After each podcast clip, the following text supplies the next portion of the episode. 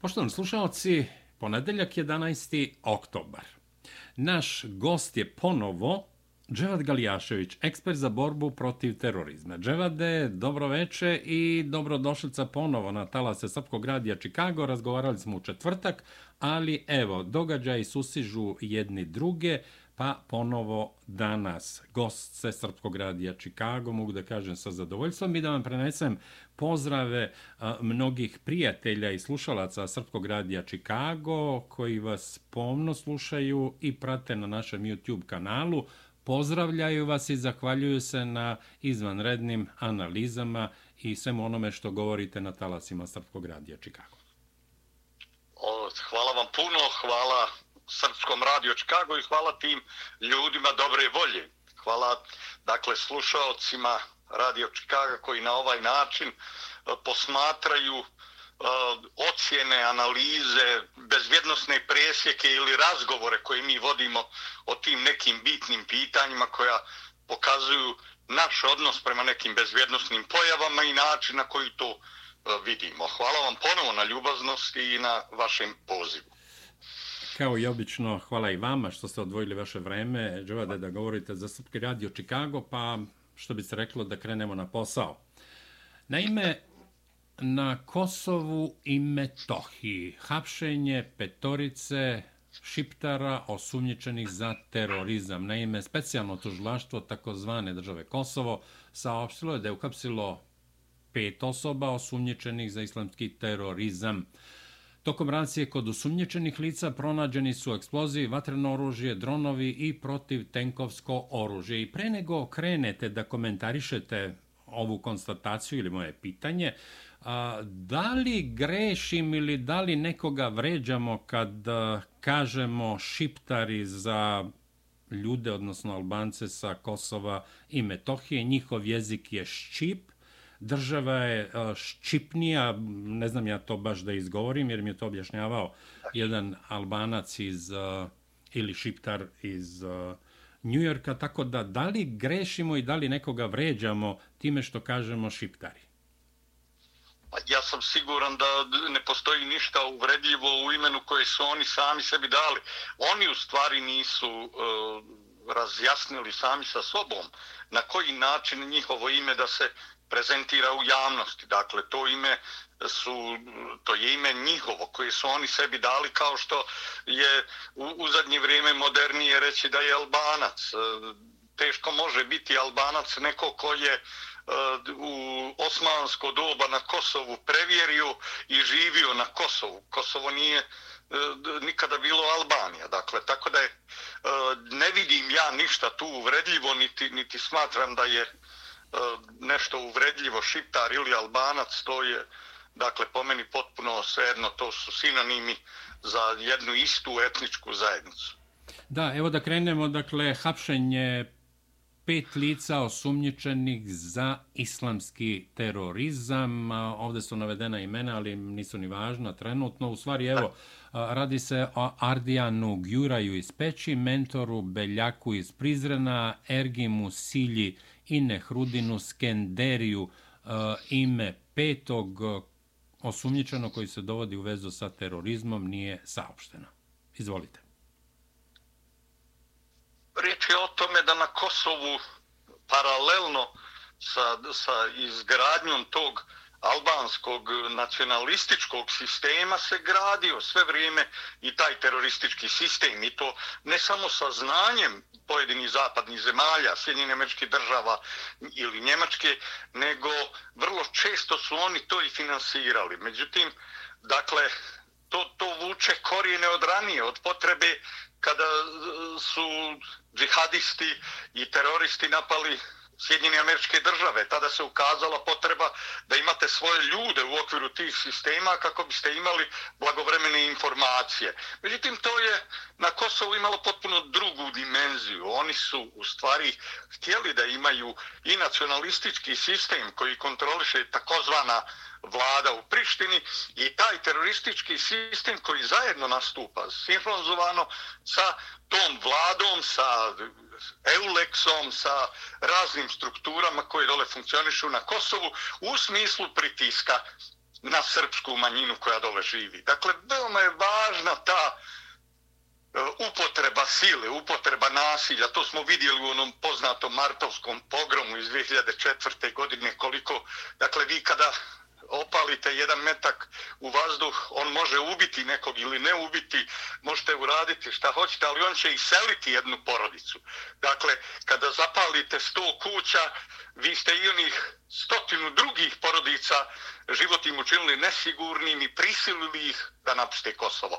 Dakle, prijetnja upotrebom silom, mogućnost da se sila upotrebi sa različitog nivoa, pa i sa ovog terorističkog, je u stvari imalo svoju političku pozadnu na Kosovu. Hapšenje ove petorice, međutim, e, ima E, ja bih rekao, formu nekih hapšenja kojih je bilo na Kosovu od vremena kada je hapšen jedan radikalni imam koji je bio u odredu El Mujahid i koji je iz Bosne i Hercegovine odšao na Kosovo, Idriz Biljbani. Dakle, i, i desetak njegovih saradnika povezani.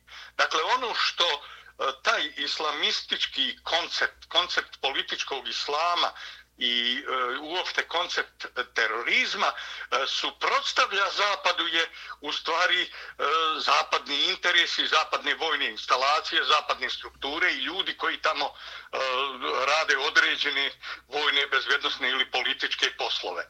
Dakle, ja mislim da su ova petorca upravo po ugledu na ove ranije neke rijetke izuzetke i događaje koji se na Kosovu dešavaju upravo prešli tu granicu, zanemarili svoju ulogu u, u pritisku na Srbe i počeli praviti planove za osvetu Amerikancima. To se naravno može povezati sa odlaskom iz Afganistana, to se može povezati sa nezadovoljnim muđahedinima i e, nezadovoljnim teroristima islamske države, ISIL koji, koja evo pravi terorističke akcije i po Afganistanu. Mi sada sve manje vijesti o tome dobijamo, ali tamo u vazduh lete i džamije, tamo po, u tim džamijama pogine 150 šita, jedna šitska džamija je koliko juče otišla u vazduh tamo i tako dalje. Dakle, vjerujem da je ovo da je pred nama taj period intenzivnih udara ili barem planiranja terorističkih akcija u odnosu na e,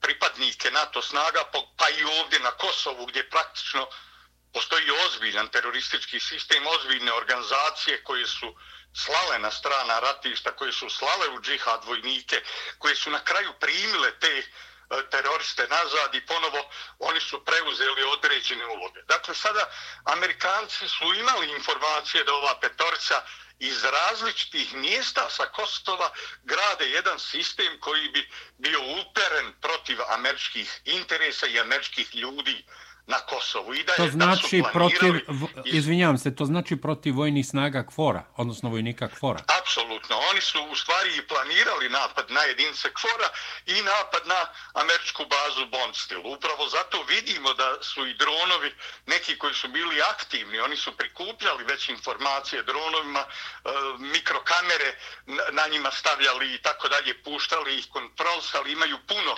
minsko-eksplozivnih sredstava, imaju oružje i municije.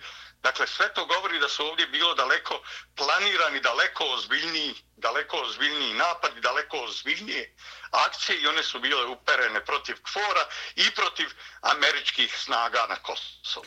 Džavade, da li je to jedina grupa ili ih ima još na Kosovu i Metohiji?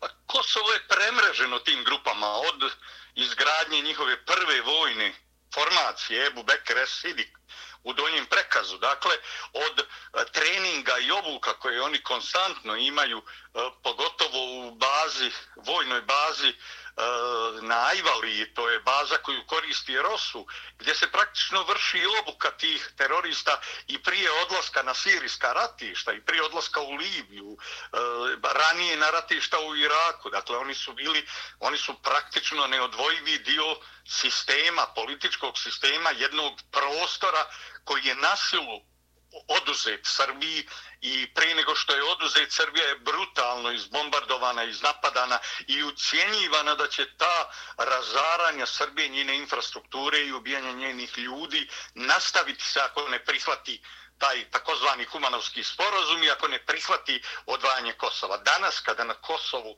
imamo e, desetine hiljada zapadnih i e, raznih vrsta namještenika, agenata, vojnika, policajaca, sudija i tužilaca. Dakle, mi vidimo da je Kosovo u stvari najtamnija e, rupa, praktično e, prostor koji je e, odvoljen potpuno od zakona, od prava. To je prostor na kome funkcioniše upravo ta dva najvažnija elementa. Organizovani kriminal koji finansira i terorizam kao sredstvo e, za realizaciju određenih političkih ciljeva. Dakle, Kosovo je praktično e, propali jedan projekt zapadnih zemalja za taj, za taj propali projekt je previše koštao Srbiju i dan danas je košta, dakle on je sapliće, on je stalno vraća nazad, oni ne daju Srbiji da, da uh, ispolji u potpunosti svoju snagu kakvu smo mogli evo danas vidjeti na ovoj na ovom samitu uh, nakon 60 godina od formiranja pokreta nesvrstani, dakle vidi se ta snaga, vidi se ta otvorenost, dakle ali Kosovo je tu da bude taj e, kamen u cipeli, čak i da bude faktor saplitanja Srbije, da uvijek kada Srbija napravi neki pozitivan korak u smislu integracije u širu međunarodnu zajednicu, na sve strane, praktično je Srbija otvorena i za istok i za zapad. Dakle, ali onda se Kosovo vraća sa svim svojim mehanizmima prijetnje. I to smo vidjeli, evo nedavno na sjeveru Kosova, tu intervenciju e, takozvani bezvjednostnih snaga, intervenciju Rosova, Kosovskog zaštitnog korpusa, ali smo vidjeli i u pozadini te e, scenografije, dakle vidjeli smo mnogo snajperskih gnjezda, vidjeli smo mnogo e, policajaca ili ko zna kakvih ljudi obučenih u crno, u posebne vrste uniforme, vidjeli smo razne specijalce koji su praktično samo čekali znak da zapucaju na mirne demonstrante, dakle koji se okupili na graničnom prelazu. Dakle, kad se sve to pogleda, teroristi su praktično tu taj, taj dodatak pritisku na Srbe i taj ta uvijek e, potrebna za zapad, potrebna prijetnja da Srbi ne traže previše prava. Dakle, jedin, Kosovo je jedina tačka na planeti na kojoj e, se ne provodi ni jedna rezolucija e, Savjeta bezbednosti. Ništa od onih e, evropskih i e, konvencija o ljudskim pravima. Ništa se tu ne ne provodi praktično Srbi obespravljeni narod, progonjeni narod na Kosovu, a u tu svrhu je u stvari su i stvoreni ovakvi teroristički sistemi, ali oni se ne mogu u potpunosti kontrolsati, dakle iluzija je da, da islam može biti E, takozvani ideološki ili, ili politički ili vjerski monolit, iluzija je da se može kontrolsati iz jednog centra prije ili kasnije ispolje se i manifestuju različiti politički cilje, pa i ovakvi, da se na kraju napadnu zapadni sistemi, e, dakle e, zapadni ljudi, zapadni interesi i da se pođu praviti planovi napada na ciljeve koji su direktno dakle povezani sa interesom Amerike, pogotovo Amerike, ali i Njemačke.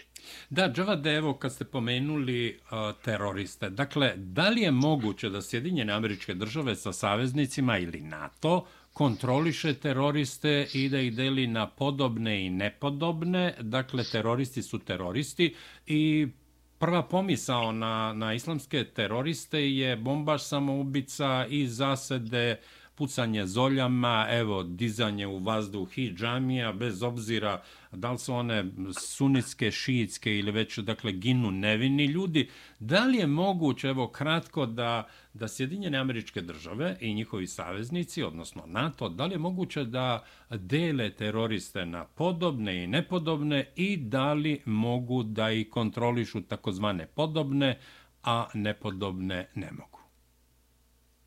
Upravo dešava. O tome i govorimo. Dakle, e, Sjedine američke države su uglavnom stavile pod kontrolu e, uh, Al-Kaidu i uglavnom su njene ćelije i njene vojno-političke formacije stavljene prilično pod kontrolu. U stvari su Sjedinjene američke države sugerisali uh, Džabhatu Nusri da promijeni ime, odnosno da uđe u širu neku vojnu političku integraciju na prostoru Sirije i da bi ta vojno-politička integracija, ta, ta formacija mogla biti priznata i od Sjedinjenih američkih država. I mi vidimo kako je nastao HTS, kako je nastao Hayat Tahrir Sham uh, eh, u Siriji, kako on kontroliše praktično Idlib i regiju i grad Idlib. Dakle, to su teroristi, naravno. Uh, ti teroristi su međutim podobni i oni se koriste za napad na one ciljeve koje Sjedinjene američke države žele da napadaju, ali ne žele da u tim napadima imaju žrtve u vlastitim redovima. Dakle, da, upravo tako, oni dijele, dakle, one koji su dio njihovih e, specijalnih snaga praktično koji djeluju u njihovim interesima i zato su podobni teroristi, a neki koji se otrgnu poput Isila, islamske države, dakle, onih koji nisu u potpunosti pod kontrolom, dakle, oni povremeno takve E, hapse proganjaju, nadziru na određen način, vrše tajna snimanja i tajne pretrese, prate njihove lokacije, kontakte i finansijske transakcije.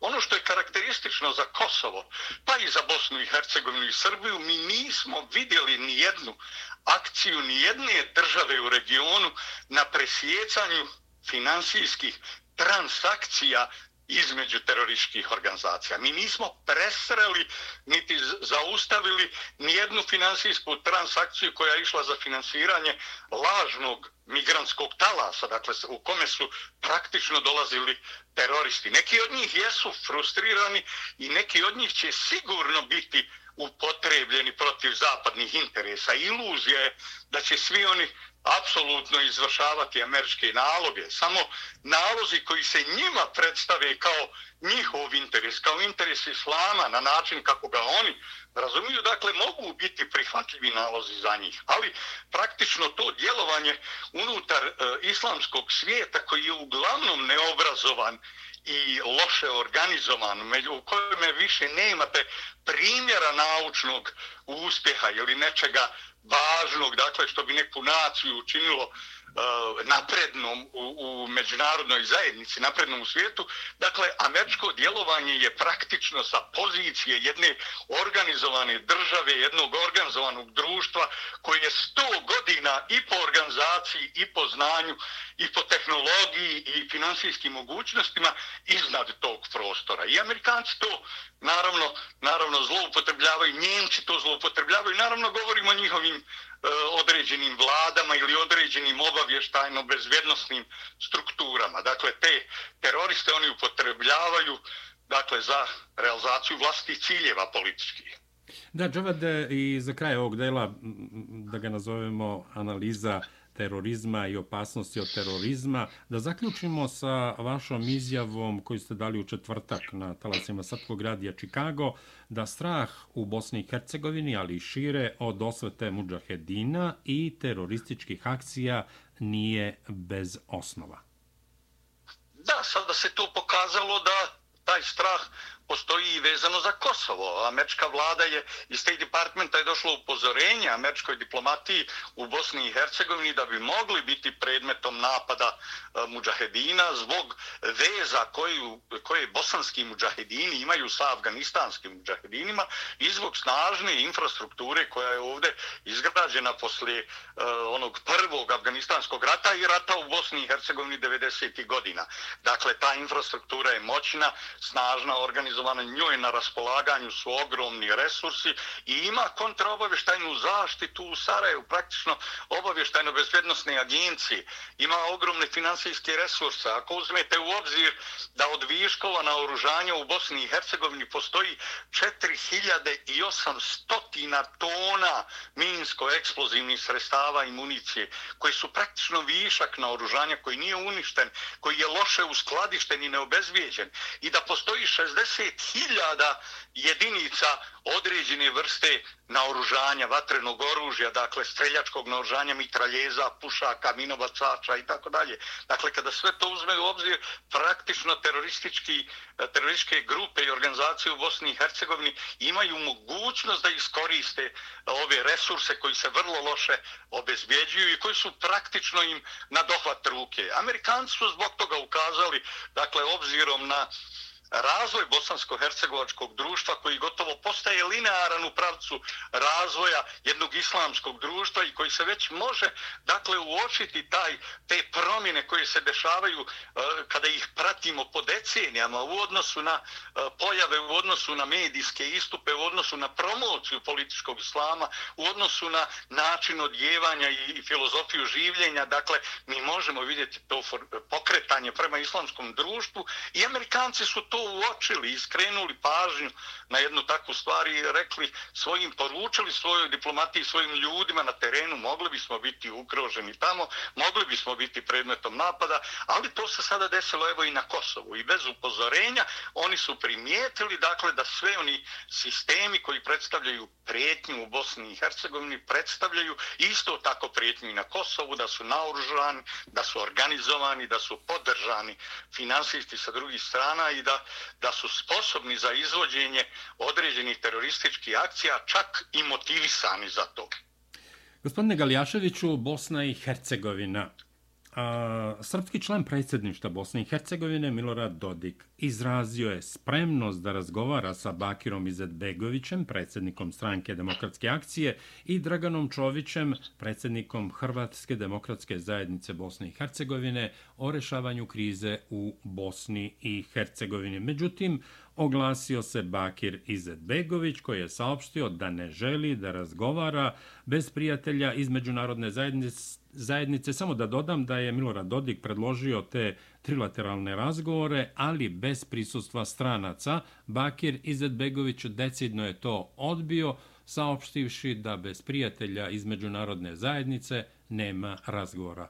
Zašto i o čemu se radi? Nije li normalno da predstavnici tri naroda u Bosni i Hercegovini sednu i da razgovaraju bez ikakvih stranaca, pogotovo treće razrednih pod navodnicima diplomata koji ne žele dobro ni Bosni i Hercegovini, ni narodu, ali ni regionu.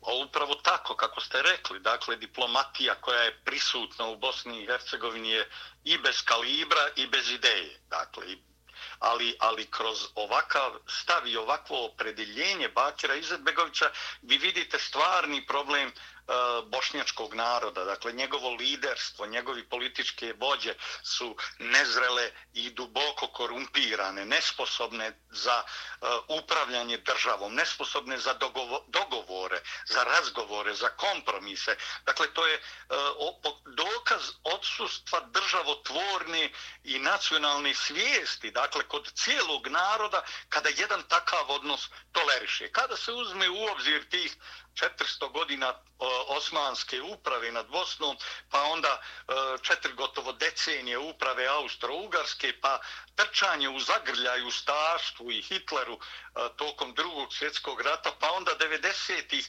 opet koketiranje sa zapadnim sistemom i sa sistemima i državama, ali i sa islamističkim centrima i terorističkim organizacijama. Dakle, vidi se u stvari da ono najgore što se moglo desiti bošnjacima jeste da oni sada nemaju sposobno vođstvo da artikuliše minimum državotvorne ideje. Ne možete Eh, imati državotvornu ideju, a prebacivati sav posao eh, ovo, ovim eh, ljudima bez kalibra, dakle diplomatiji nekoj koja je ovdje poslana iz petog, šestog i sedmog reda, koja je nebitna u vlastitim državama. Pa neka mi neko kaže jedno ime koje je napravilo karijeru u vlastitoj državi, a koji je boravio u, a, a koje je boravilo u Bosni i Hercegovini i obavljalo najviše poslove u samoj Bosni i Hercegovini. Dakle, ti beznačajni ljudi, nesposobni da budu gradonačelnici u svojim zemljama, njima Bakir Izetbegović prepušta sudbinu Bošnjaka, a time i sudbinu, dakle, tim, tim e, zakovanim stavom nećemo mi bez naših prijatelja. Dakle, taj, taj, e, to je bolestan stav To je bolestan stav. Mi za njih nismo prijatelji, mi smo za njih mali mravi, marionete, sitna geopolitička pješadija koju će upotrebljavati za neke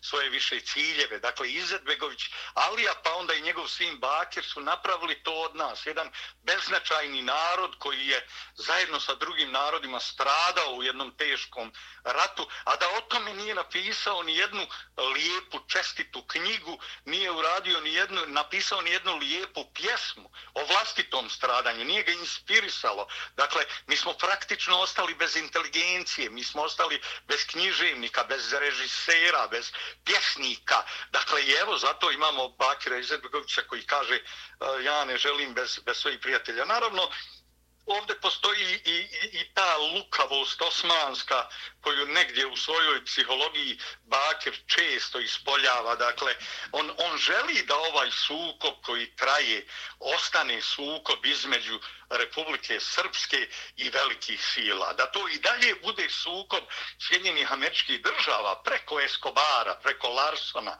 preko Matthew Palmera, preko Erika Nelsona i tako dalje, da se oni sukobljavaju sa Republikom Srpskom, odnosno preko Šmita da se Njemačka sukobljava i da se kao oni ne miješaju i da puste da to zapadne sile urade taj dio posla ovaj za njih da slomi kičmu potrebi srpskog naroda u Bosni i Hercegovini da živi slobodno, da živi u skladu sa ugovorom, Dejtonskim ugovorom o miru, dakle, koji e, se u stvari jedino je što se traži, dakle, jedino ono što nije uspjelo u tom e, Dejtonskom sporazumu, a, a što je e, naglašeno u mnogim odredbama, jeste sporazumijevanje i dogovaranje između predstavnika tri naroda. Izetbegović i dalje želi na ovaj način dakle da odloži sva moguća rješenja jer ključ opstanka Bosni i Hercegovini, ključ boljeg života u Bosni i Hercegovini je e, e, prvi korak ka dogovaranju. Ako nema dogovaranja, nema tog čarobnog štapića,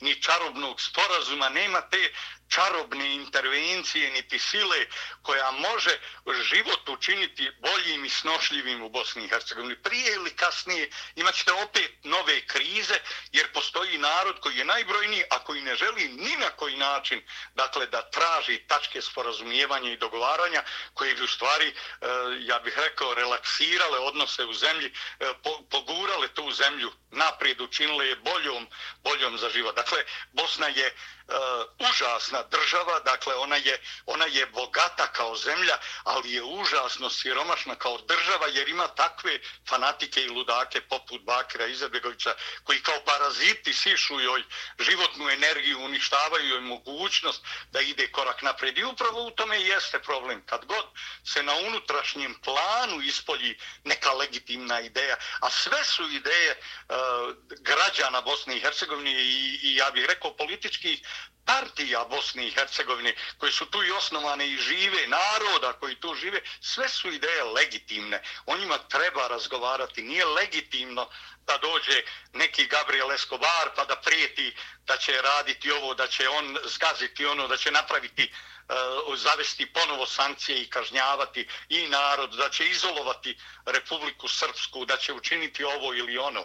Dakle, nije legitimno da se i Hrvatima kao najmanjem narodu gotovo na isti način prijeti s tim što Hrvati imaju drugi odnos. Oni čekaju da Njemci završe posao za njih, da Hrvatska tu pomogne kao članica Evropske unije. Dakle, oni posmatraju sa strane. Republika Srpska nema takvog igrača u okviru zapadnih sistema, sistema zapadnih zemalja. Nema takvog igrača u Evropskoj uniji koji bi za nje stao, koji bi otvoreno rekao da, da postoji granica pritiska i granica tolerancije sa druge strane, a i da ovo što se radi tu nema veze nikakve sa demokratijom. To Bosna i Hercegovina je najodvratniji protektorat na planeti. Dakle, njome upravljaju upravo ovi mali ljudi, takozvani diplomate, ljudi malog kalibra, ljudi bez ideja, upravljaju bez ikakve odgovornosti. Dakle. Dževade, idemo do Crne Gore.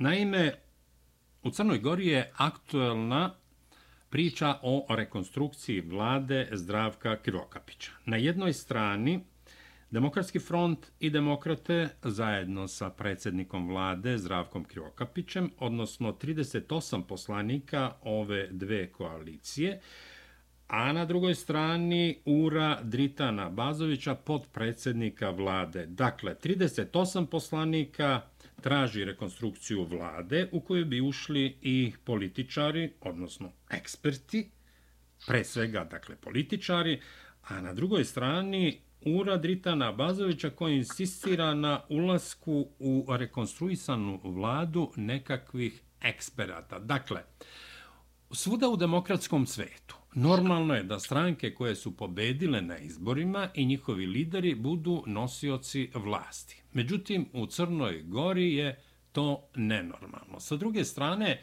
Uri Dritana Bazovića, Abazovića nije niko određivao da li će Dritana Bazović, kao čovek koji apsolutno nema nikakvo iskustvo i nije nikakav ekspert, tako tvrde svi, ja čoveka ne poznajem, da bude potpredsednik vlade.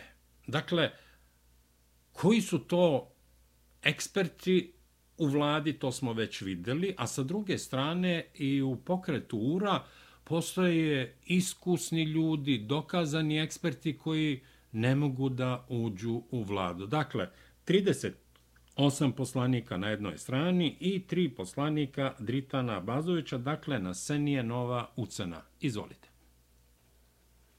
Dritana Bazović i Jura su u stvari finansirani od lokalnih e, biznismena koji nisu bili protivnici, tako značajni protivnici DPS-a i Mila Đukanovića, ali nisu bili ni dio klana Mila Đukanovića. E, ono što jeste problem i gdje počinju svi problemi jeste to što je uspjelo da, da se formiraju, dakle, da, da se praktično jedna vjera, Srpska pravoslavna crkva, e, u okviru dva različita etniciteta podijeli na Srbe i na Crnogorce. I da se ti Crnogorci preko DPS-a i Mila Đukanovića konfrontiraju Srbima.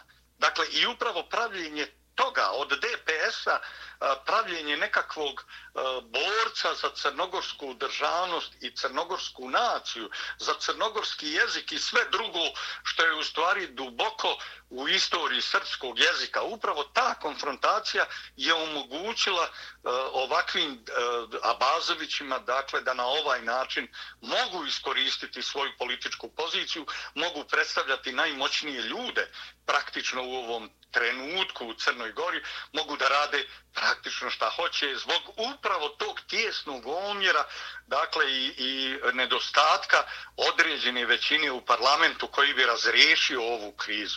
Očito je cilj Britana Abazovića i njegovih međunarodnih mentora, dakle prije svega iz Njemačke, dakle cilj je da se tranzicija e, obavlja e, sporo, da se ne ide u konfrontaciju sa DPS-om, da se sistem e, korumpirani, pljačkaški sistem DPS-a e, i koji je stvorio Milo Đukanović više decenijskom vladavinom, dakle da se taj sistem ne ruši, nego da se polako preuzimaju određene poluge tog sistema i da se nastavlja onim putem kojim je Crna Gora išla pod Milom Đukanovićem. A taj put je put identičan putu e, dakle E, Kosova, identičan putu Albanije. Dakle, to je put u kome je najvažniji izvor prihoda u stvari iz, dolazi sa strane organizovanog kriminala, trgovinom narkoticima i cigaretama.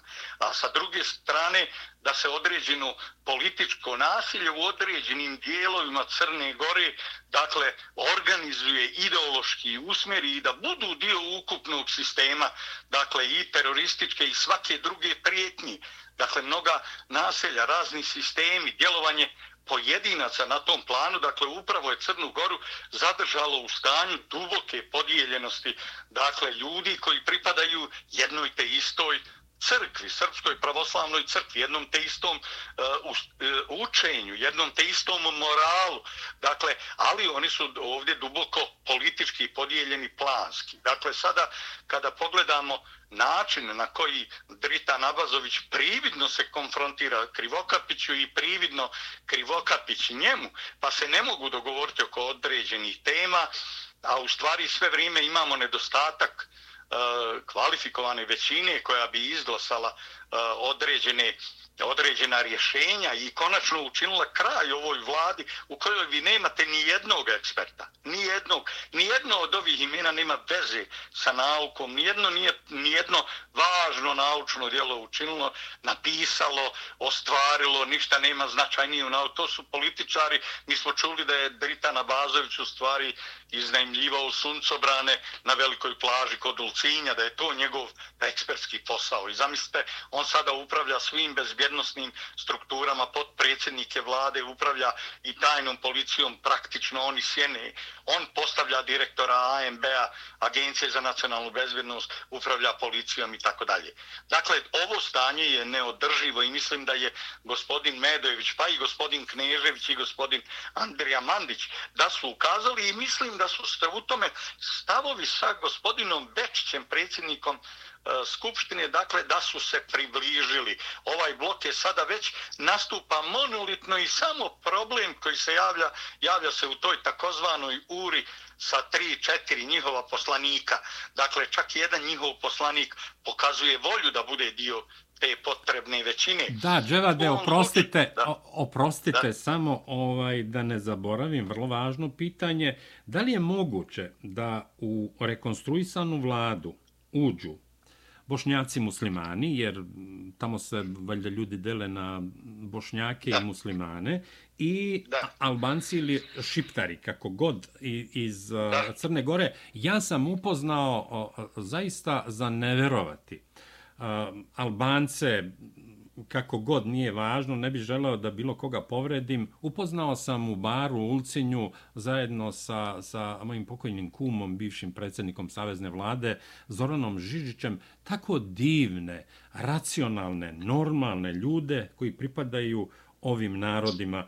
Dakle, ja ne mogu da verujem da tako ti divni, dobri ljudi, da ne govorimo o Podgorici, da sam sedeo par puta u nekim restoranima sa divnim ljudima koji su bošnjaci, koji su tu rođeni, koji su toliko fleksibilni, koji žele dobro, ne samo Crnoj Gori, nego evo da kažem popularno i regionu, i Srbiji i tako dalje. Ja ne mogu da verujem da ne može da se nađe zajednički modus vivendi u kome će i Srbi, i Crnogorci, i Bošnjaci, i Albanci, i deo Hrvata da nađu zajednički jezik i da rade na dobro naroda Crne Gore i na dobro Crne Gore. Dakle, da li je pitanje za vas, da li je moguće po vama da u rekonstruisanu vladu uđu i predstavnici nacionalnih manjina?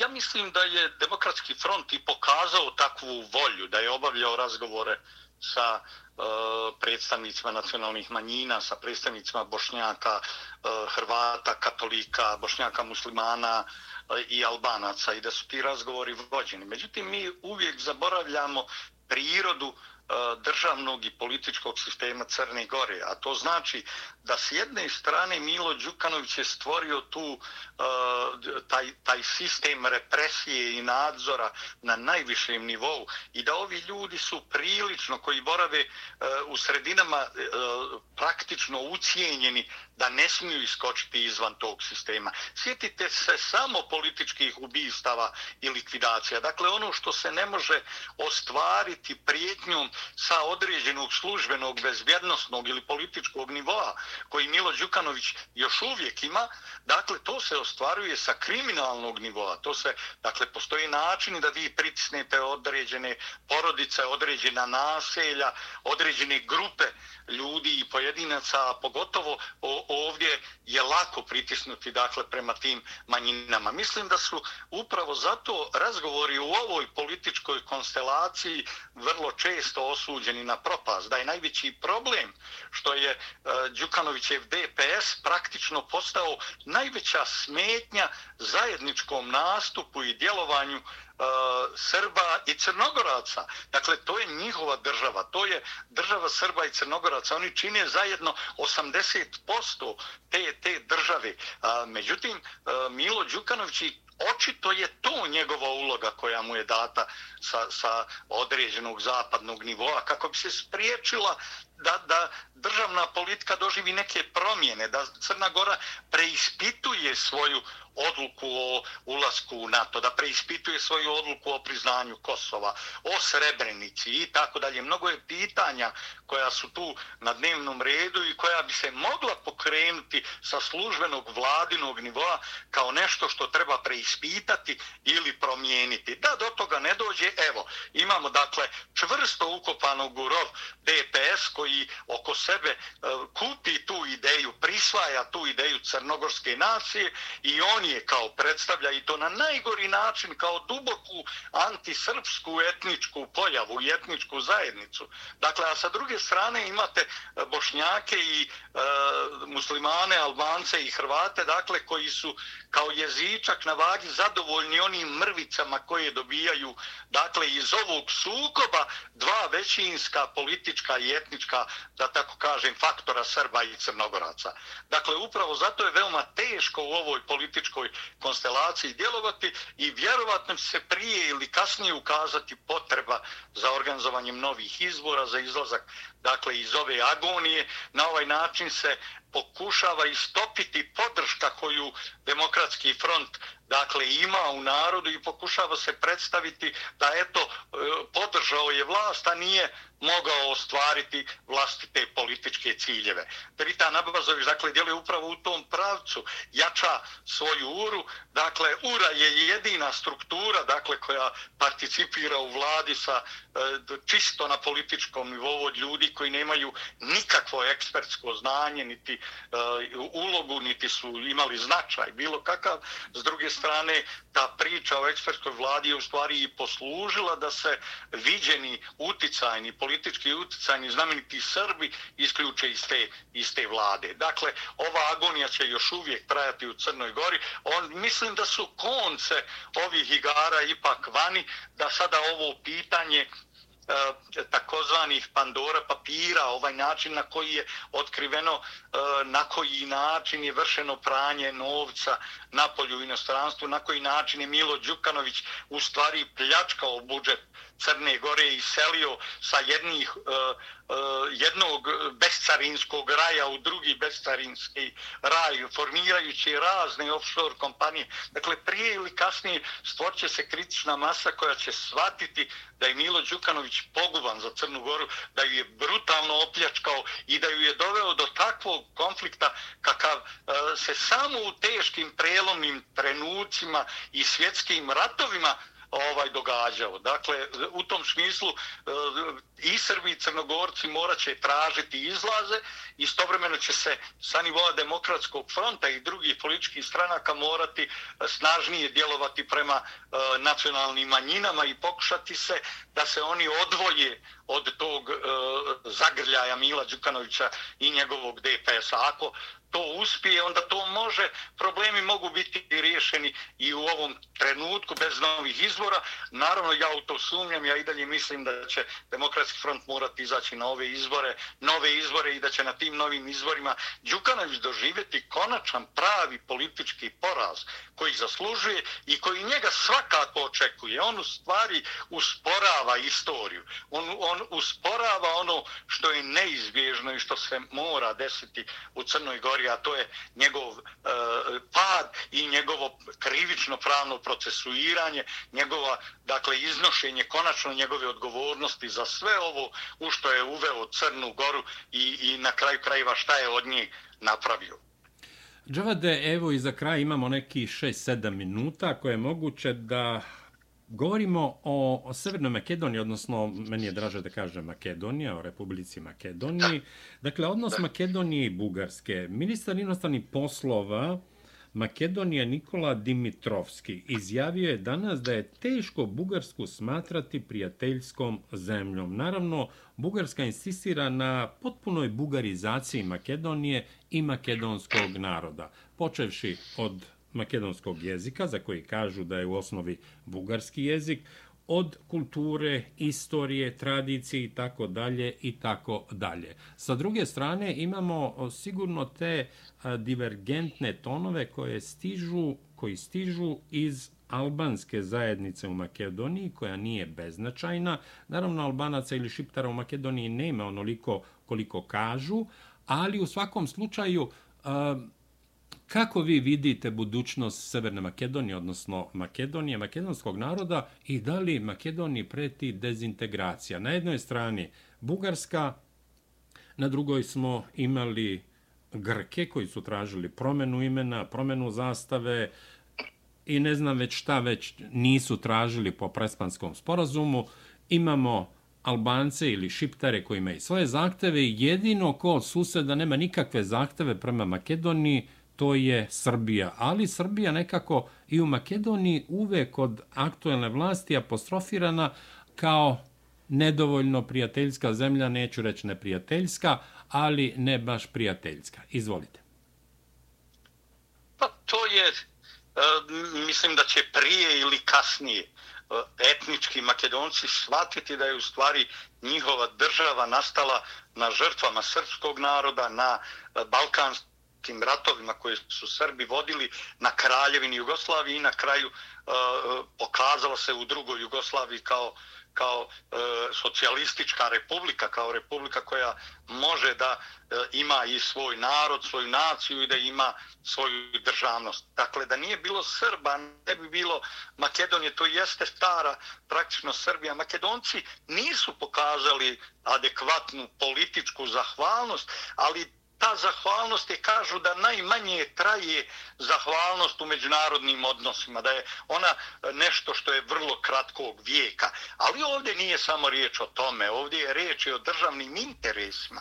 Da li su makedonci sposobni Dakle, kad e, Makedonci sa svojim institucijama, svojom vladom, e, dakle i državnim strukturama, da li su sposobni vidjeti u kakvoj se oni situaciji nalaze. Grčka ne priznaje njihovu ni istoriju, ni imena, dakle, čak ni dijelove teritorije. Bugarska ne priznaje njihovu ni naciju, ni jezik, ni kulturu. Albanci žele dijelove, barem jednu trećinu i više od jedne trećine Makedonije. Dakle, sada kada pogledate tri praktično potpuno neprijateljske države koje imaju pretenzije ka Makedoniji i ka njenoj teritoriji, i ka njenoj kulturi, i ka njenom narodu, ka svemu. Dakle, potpuno žele da izbrišu pojam makedonske nacije, dakle i makedonske državnosti, i Grčka, i Bugarska, dakle praktično i Albanija. Cijepanjem dijelova Makedonije nemoguć bi se učinio opstanak, dakle, uopšte makedonske državnosti i ono bi sigurno bila podijeljena između Grčke i Bugarske. Dakle, gdje bi išao Egejski dio, gdje Pirinski, to, to se zna, Vardarski, ovaj dio koji čini jezgro dakle današnje makedonske države dakle bio bi, e, bio bi posebno dio neke od ovih država, da li bugarske, da li grčke. Dakle, u ovom slučaju jedini stvarni politički prijatelj je onaj koji je bio istorijski prijatelj i koji je stvorio makedonsku državnost, a to je Srbija. E, Makedonija ne želi snažnije veze sa Srbijom, Makedonija ne želi dinamičniju saradnju sa Srbijom, Makedonija je ušla u NATO, zbog toga Makedonija je priznala uh, nezakonitu ocijepljenu Kosovo, okupirano Kosovo. Dakle, Makedonija je bila dio napada na Srbiju 99. pružala dakle i usluge i pomoć dakle i stavljala svoje resurse na raspolaganju e, 18 zemalja NATO za jedan takav napad to je neprijateljski čin. Ali sada Makedonci moraju dobro da razmisle dakle, na koga se oni mogu osloniti u ovom e, dramatičnom vremenu ako žele da njihova država opstane. A ako ne žele opstanak vlastite države, dakle onda oni samo neka čekaju trenutak kada će Kosovo biti skinuto sa dnevnog reda i kada će u stvari Albanci odlučiti da li da prvo krenu prema Crnoj Gori ili da krenu prema Makedoniji i da nastave sa projektom Velike Albanije. Dakle, najdinamičniji nacionalizam u tom smislu, e, to je taj albanski šiptarski nacionalizam, je u stvari najveća prijetnja. On u stvari stvara uslove da e, Bugarska koja, koja nema u ovom momentu posebno razvijen e, nacionalizam kao ni Grčka. Dakle, nema agresivni nacionalizam koji bi pretendovao da vojno ili silom osvaja pojedina područja, ali bi mogao biti prisiljen nakon albanskih udara i pokušaja secesije i dijeljenja Makedonije, dakle da i oni uzmu svoj dio kolača i tada u toj situaciji nikakva ni sjeverna, ni južna, ni bilo kakva Makedonija neće postojati. Dakle, Makedonija mora, ako želi sebi dobro, okrenuti se Beogradu, okrenuti se Srbiji, okrenuti se saradnji, dakle, shvatiti da ta njena stabilnost i opstanak u stvari zavisi od one države e, koja je u stvari dala neviđene žrtve da bi se izgradila ta makedonska nacija. Upravo postojanje makedonske nacije, postojanje muslimanske nacije, razvoj crnogorske nacije. Dakle, sve je to dokaz da se Srbi nikada nisu bavili nasilnim posrbljivanjem i da su mnogi etnički dijelovi tog naroda praktično ili zbog religije ili zbog e, geopolitičkih uticaja i interesa odvajani, cijepani nasilno i svaki put kada se odvajali dijelovi naroda, odvajali se i dijelovi životnog prostora, dijelovi teritorije na kojoj je srpski narod živio. To je, nažalost, e, e tragedija, dakle, koja, koja traje već 150 godina od odlaska praktično pa i prije obračuna sa Osmanskim carstvom od prvog srpskog ustanka 1804. ili od Berlinskog kongresa 1700, 1800 i neke godine, da 78. Dakle, dakle, e, Srbi praktično prolaze kroz teške borbe za svoju državnost i spremni su pomoći narodima koji su praktično nastali i živjeli na, na tom prostoru životnom koji su Srbi naseljavali i koje su oni oslobodili u raznim ratovima za koje su žrtve dali. Makedonci to ne vide tako. Makedonci misle da je dovoljno da su dobili svoju autokefalnu crkvu koja je preuzela svoju imovinu Srpske pravoslavne crkve. Ne, nisu. Crkve. Džavade, džavade, ni, uh, Makedonska da. crkva nije priznata kao autokefalna. Da, da, oni je zovu, oni je zovu o, da, da, ali nije ono, i naravno i, nije... to i to pitanje da. može da se reši u razgovorima sa beogradskom patrijaršijom, govorio je pokojni mitropolitan Filohije, da. na koji način, dakle to ne bi trebalo da bude veliki problem i to je pod navodnicima jedini problem koji ima Makedonija da, sa, da. sa Srbijom, dakle, ali to je problem kanonski crkve, jedne crkve koja je nekad bila jedinstvena srpska pravoslavna crkva, pa se e, makedonska crkva odvojila i naravno to nije problem da se reši a uz poštovanje kanona. Pa da, pa tako su napravili. Tako, se, tako je nezavisna država Hrvatska pravila Hrvatsku pravoslavnu crkvu, tako je Franjo Tuđman pokušao napraviti u Hrvatskoj, tako je Milo Đukanović pokušao napraviti u Crnoj Gori. Dakle, sve te ideje su nama poznate i vidljive, ali praktično oni nisu obezvijedili podršku ni priznanje Vaseljenske patrijaršije. I praktično, čim nisu mogli e, kanonizirati se, oni, oni uopšte praktično ne Ali oni praktično to pitanje stavljaju kao kao faktor e, i, i dokaz nesuglasica sa Srbijom, iako je to pitanje daleko rješivije, lako, lako rješivo. Dakle, hoću reći, Makedonija e, mora vidjeti da, da je u stvari e, tu pruženu ruku Srbije i mora sa njom uspostaviti bolje odnose ako sebi želi dobro. Džavade, hvala vam što ste odvojili vaše vreme i govorili za Srpski radio Čikago. Hvala i vama. Poštovni slušalci, Gost Srpkog radija Chicago bio je ekspert za borbu protiv terorizma Dževad Galijašević.